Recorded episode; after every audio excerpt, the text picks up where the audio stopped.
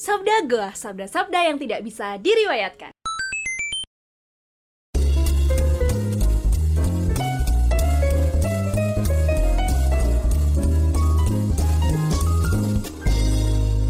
Selamat datang di podcast Sabda gua, sabda-sabda yang tidak bisa diriwayatkan. Masih bersama Mahrun Jahakim dalam Sabda Midweek Selection ya. Rubrik Therapy Session yang akan membahas tentang apa yang ada di pikiran hakim dan mungkin relate dengan kalian seperti biasa ya. Kembali dengan dokter gadungan.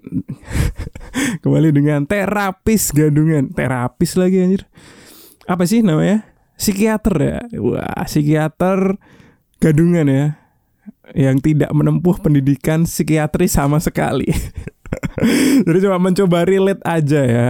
Karena kita ya mengikuti tren lah ya. Karena banyak juga di sosial media itu orang-orang yang bahas mental health orang-orang yang ngebahas tentang uh, pentingnya self love gitu. Tapi bukan apa namanya bukan orang yang ahli di sana gitu. Jadi si paling tahu masalah mental si si paling tahu masalah psikologi gitu ya. Jadi kita ngikut-ngikut aja. Tapi mungkin agak berbeda dengan orang-orang di luar sana. Hakim di sini bakal mungkin agak apa ya namanya ngasih-ngasih namar-namar sama realita ya. ya uh, minggu kemarin kita bahas tentang burung phoenix ya. Tentang kita harus mengovercome ketakutan kita dalam hidup untuk ya bisa maju, bisa moving forward begitu. Dan kali ini mungkin agak berbeda karena udah banyak sekali, bukan banyak sih. Udah beberapa kali kita ngebahas dan bercerita dan ngomongin tentang tokoh-tokoh dari Eropa, dari Yunani, dari uh, mitologi-mitologi Yunani, kita mungkin agak shifting ya. Kita kali ini bakal ngomongin tentang salah satu tokoh pewayangan dan bukan wayang dari India tapi yang udah serapan wayang dari Indonesia.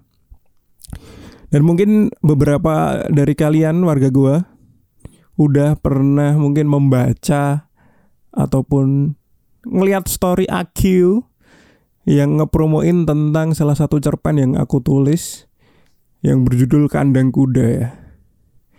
Tapi sebelum kita ke sana, bagaimana kabarmu warga gue? Saya sampai lupa menyapa kalian semua ya. Semoga kalian baik-baik saja, selalu terlindung dalam kebahagiaan, keberkahan dan juga ampunan. Kok malah khutbah Jumat? Enggak enggak. Ya, semoga kamu lancar-lancar lah ya dalam hidup, dalam setiap pekerjaan yang kamu kerjakan. Semoga kalau yang sedih ya sedihnya nggak usah lama-lama, yang bahagia ya nggak usah lama-lama karena harus imbang ya, harus balance dalam hidup. Dan kita akan balik lagi di cerita apa tadi ya? Oh, kandang kuda, kandang kuda. Jadi ya memang salah satu kegiatanku kalau bener-bener pusing banget itu emang nulis ya. Jadi kayak mengejawantahkan apa yang ada dalam pikiran ke dalam tulisan gitu. Ya salah satunya juga podcast ini juga bisa dikatakan kayak gitu sih. Jadi podcast ini nggak cuma sekedar konten tapi juga salah satu cope mekanisme ya buat menghilangkan stres mungkin. Jadi lebih oke okay aja gitu ada wadahnya, ada medianya. Nah, salah satunya adalah juga tulisan yang tadi udah aku omongin. Dan kandang kuda itu uh, lahir ataupun rilis ketika mungkin bisa dikatakan aku sedang merasakan seperti krisis ya, krisis uh, kepercayaan diri Nah itu itulah kata yang tepat yang ku cari-cari. Kenapa krisis kepercayaan diri? Karena memang di waktu itu saat aku menulis uh, cerita itu, aku menyandarkan kebahagiaanku dan juga menyandarkan hidupku pada pencapaian orang lain. Dan nampaknya buruk ya. nampaknya sangat buruk sekali bagi uh, perasaan, bagi pikiran karena hidup sangat tidak tenang ya. Hidup tuh pada dasarnya udah nggak tenang, masih ditambahin kayak gitu jadi tambah tidak tenang. Nah, mungkin bagi yang membaca udah tahu lah ya isinya apa tentang cerpen berjudul Kandang Kuda. Dan mungkin kalian warga gua yang belum baca mungkin bisa pergi dulu ke webnya Gua Hira. Udah dirilis di sana juga. Dan mungkin kita akan membahas secara basic-basic aja kali ya. Menceritakan apa yang ada di dalam cerpen gitu. Dan cerita itu adalah cerita tentang tokoh pewayangan bernama Aswatama. Kenapa Aswatama? Karena menurutku ceritanya unik dan relate dengan uh, krisis kepercayaan diri yang baru kurasakan waktu itu. Dan fun fact-nya, Aswatama atau Satomo itu bukanlah uh, main karakter ataupun pemeran utama dalam cerita pewayangan yang dipentaskan tersebut. Jadi itu ceritanya adalah cerita pewayangannya itu Pandawa Boyong apa ya gitu. Pokoknya intinya tokoh tokoh-tokoh Pandawa 5 itu di ingin diboyong oleh para Kurawa, Kurawa untuk ya intinya menghindari Baratayuda gitu, menghindari perang Baratayuda. Tapi kan sudah diktar sudah ditakdirkan dan sudah dituliskan kalau memang uh, perang Baratayuda itu harus terlaksana gitu. Jadi para punokawan yaitu Semar dan kawan-kawan itu me menahan ya, menahan para Pandowo untuk tetap berada di kerajaan mereka dan meneruskan perang Baratayuda. Tapi ada salah satu uh, pendowo yang sudah mulai terhasut yaitu Werkudara. Nah, para punakawan ini lantas ingin mengambil kembali dalam tanda kutip uh, Werkudara dari hasutan para Kurawa dan kemudian dalam perjalanannya, para Pendowo Limo ini dihadang oleh para prajurit dari Kurawa. Nah, ininya itulah ya. Ininya ceritanya kayak gitu. Backstory-nya gitu. Nah, kan ada tiga tuh yang jadi punokawan ya, yang uh, mau ngambil si Warkudoro ini. Semar kan di rumah kan. Terus ada Petro, ada Gareng sama Bagong. Nah, ketiga punakawan yang mau ngambil Werkudara ini dihadang oleh para prajurit Kurawa ya. Terus si Petro itu sama siapa ya? Rata apa ya? Aku lupa. Nah, intinya match up-nya itu si Bagong sama si Aswatama ataupun Satomo tadi. Nah, uniknya di pada pertarungan yang diceritakan di pewayangan itu Bagong sama Aswatama ataupun Satomo itu Bagong melawan Satomo tidak dengan aji-aji, tidak dengan pukulan, tidak dengan strategi-strategi yang cerdik dan Bagong membiarkan Aswatama ataupun Satomo itu memukuli dirinya sendiri, menyiksa si Bagong gitu loh maksudnya. Mempersilahkan si Satomo ataupun Aswatama itu untuk melakukan apa pun yang ingin dia mau kepada si Bagong. Dan pada akhir pertarungannya si Bagong itu berlaga seperti kuda ya. Dia mendengkur, dia berlari-lari memutari si As Aswatama ataupun Satomo ini dia ya pokoknya menirukan menirukan apa gerak-gerik kuda lah. Nah di situ si Aswatama ataupun Satomo ini hatinya itu seperti runtuh gitu.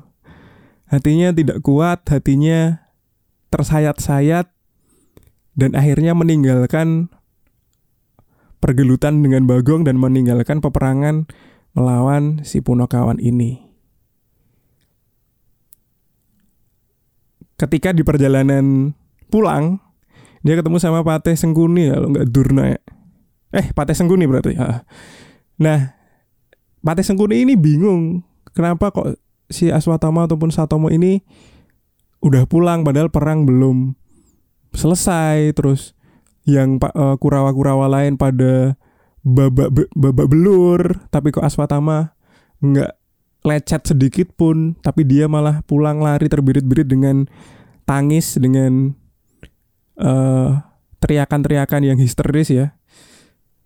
Terus di di situ si Aswatama itu di stop dan Aswatama ataupun Satomo itu bilang kalau apa yang diperlakukan Bagong kepadanya itu lebih sakit daripada luka fisik gitu. Kemudian diceritakan kenapa Bagong melakukan hal itu gitu, meniru gerak-gerik kuda di depan Aswatama ataupun Satomo. Sengkuni menceritakan bahwa Aswatomo ini memang keturunan dari seorang kuda. Seorang Dewi Wilutama yang memang mewujud sebagai kuda. Gimana ceritanya? Ceritanya adalah uh, Durna dulu ingin pergi ke sebuah negeri.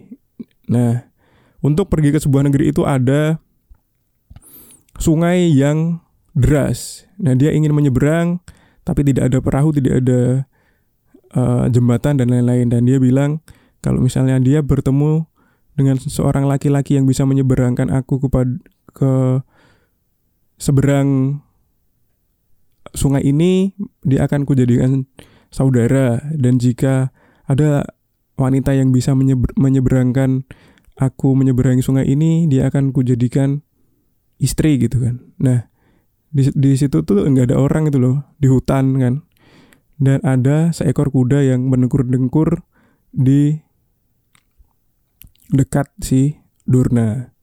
Nah, alhasil Durna itu naik si kuda itu, kemudian kuda itu ternyata bisa terbang. Ya kayak unicorn gitulah ya. kayak unicorn. Nah, si Durna ini akhirnya terbang bersama kudanya itu diterbangkan oleh kudanya sampai berhari-hari. Jadi Durna Durna itu bingung. Sepertinya sungai ini tidak terlalu besar, tapi kenapa uh, kita terbang dan tidak sampai-sampai gitu ya. Akhirnya dia mengantuk, mengantuk, mengantuk, terus dia melorot gitu ya. Dia dari kuda itu melorot, melorot, melorot sampai connect lah itulah ya.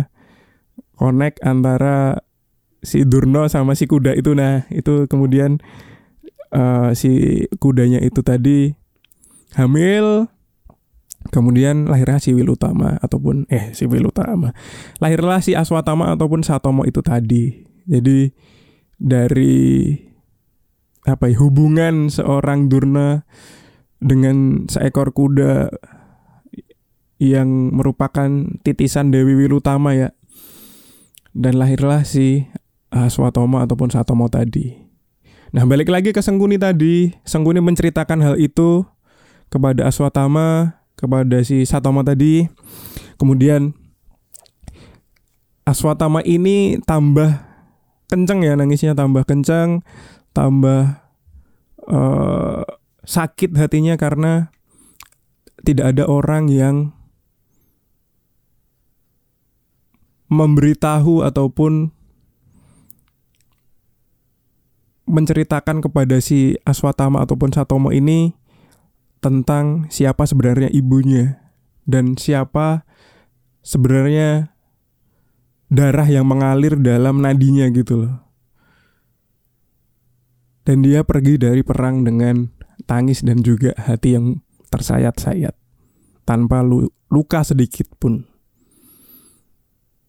Seperti itu ceritanya si Aswatama ataupun Satomo. bukan cerita asli eh bukan cerita asli bukan cerita yang uh, bukan cerita utama dalam sebuah pewayangan tapi menurutku sebuah cerita yang sangat menarik apalagi hubungannya dengan krisis kepercayaan diri atau mungkin penerimaan diri kali ya yang lebih cocok. Jadi kenapa pada waktu itu tulisan tersebut bisa muncul adalah karena aku merasa bahwa aku tidak cukup baik, aku tidak cukup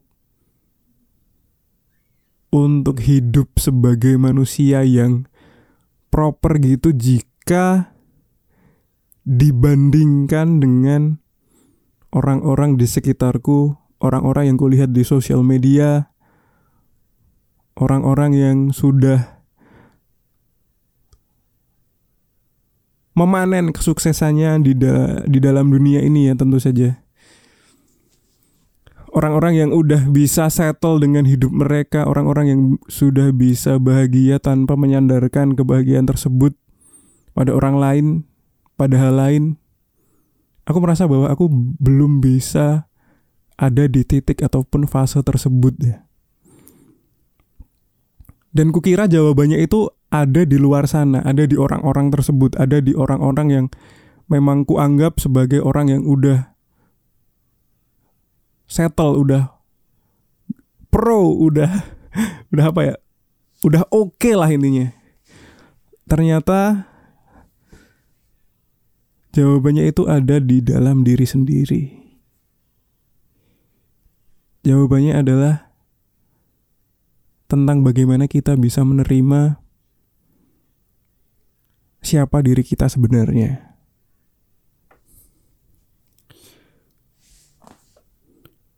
mungkin Aswatama ataupun Satomo tadi belum bisa menerima fakta bahwa dia adalah keturunan seekor kuda ya.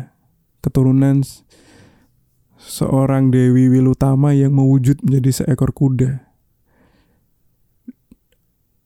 Dan dengan fakta yang seperti itu ketika ada orang lain yang mencoba menggoyahkan keteguhan hatinya dia langsung runtuh dan seketika membuktikan bahwa hatinya sangat rapuh. Dan itu mungkin relate denganku yang saat itu memang benar-benar belum bisa menerima diriku apa adanya. Masih rapuh lah, masih menye-menye lah dalam kehidupan lah ya. Selalu membanding-bandingkan diri dengan orang lain. Selalu protes bahwa orang lain pasti punya privilege lebih. Macam-macam excuse inilah itulah. Dan ternyata jawabannya ada di dalam diri sendiri. Jawabannya bukan bersandar pada orang lain ternyata. Jawabannya kembali ke diri sendiri tentang bagaimana kamu bisa menerima dirimu, bagaimana kamu bisa menerima kekuranganmu sebaik kelebihanmu, bagaimana kamu bisa struggle dan terus berjuang, terus berusaha dengan semua yang ada di dalam dirimu.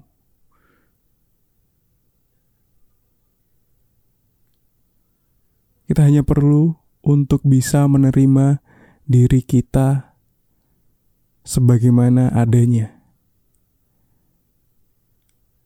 Ingat, bukan berarti menerima hal-hal buruk yang ada di dalam diri, tapi menyadari hal-hal buruk tersebut untuk kemudian berubah menjadi lebih baik.